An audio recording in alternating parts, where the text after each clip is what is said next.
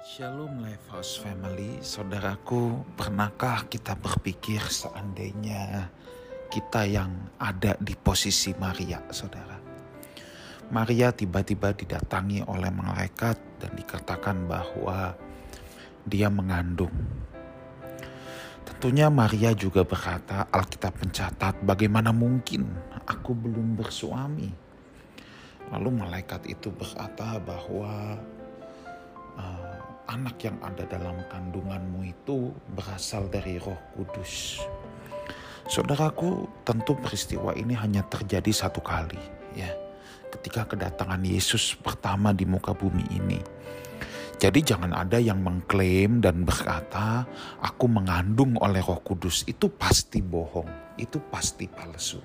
Ya, nah, kembali lagi ke kisah Maria 2000 tahun yang lalu ketika ia dipilih untuk menjadi ibu secara daging ya atau ibu di dunia ini untuk bayi kecil yang mulia Tuhan Yesus. Saudara, tidak mudah untuk Maria. Yang pertama bagaimana dia menjelaskan kepada Yusuf. Lalu bagaimana dia harus menanggung malu kepada semua orang, kepada semua kerabat, kepada orang-orang yang mengenal dia. Pertaruhan Maria ini berat saudara, sebab pertaruhan nama baik. Ya, ini hal yang gak masuk di akal. Bagaimana mungkin dia mau dibilang apa sama orang-orang sekitar? Tetapi hal yang luar biasa saudara. Lukas 1 ayat 38. Inilah jawab Maria kepada malaikat Tuhan. Kata Maria, sesungguhnya aku ini adalah hamba Allah. Jadilah padaku menurut perkataanmu itu. Lalu malaikat itu meninggalkan dia. Wah, di sini luar biasa, saudara. Aku ini hamba Allah, jadilah padaku menurut perkataanmu itu. Aku pasrah, aku nyerah. Kan dengan kata lain begitu.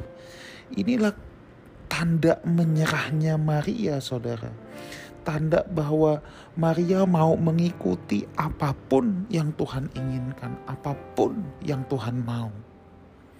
Inilah hebatnya Maria, saudara.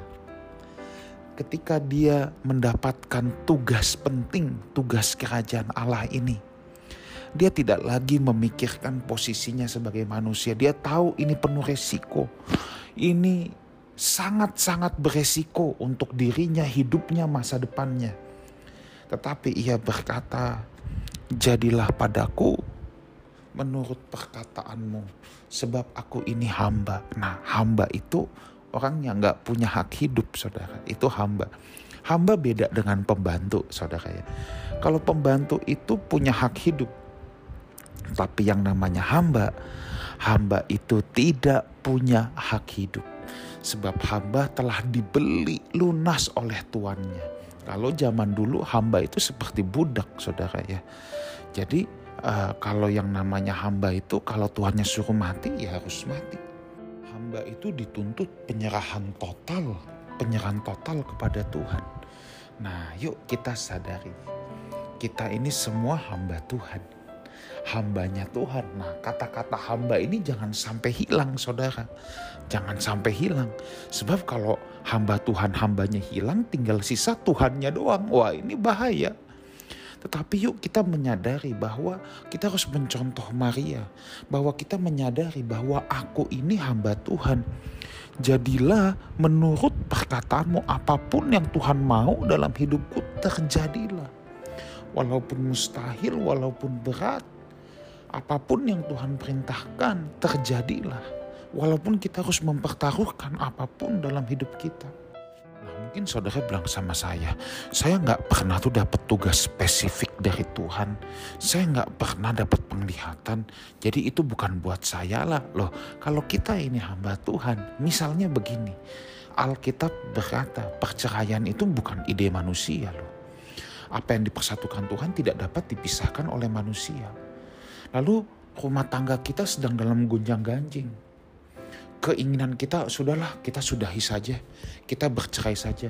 Tetapi kalau kita menghayati ayat ini, sesungguhnya aku ini adalah hamba Tuhan, jadilah kepadaku menurut perkataanmu, maka kita tidak akan mengambil opsi perceraian itu. Kita akan tetap berusaha, kita akan tetap mengusahakan untuk memperbaiki rumah tangga yang sedang berantakan.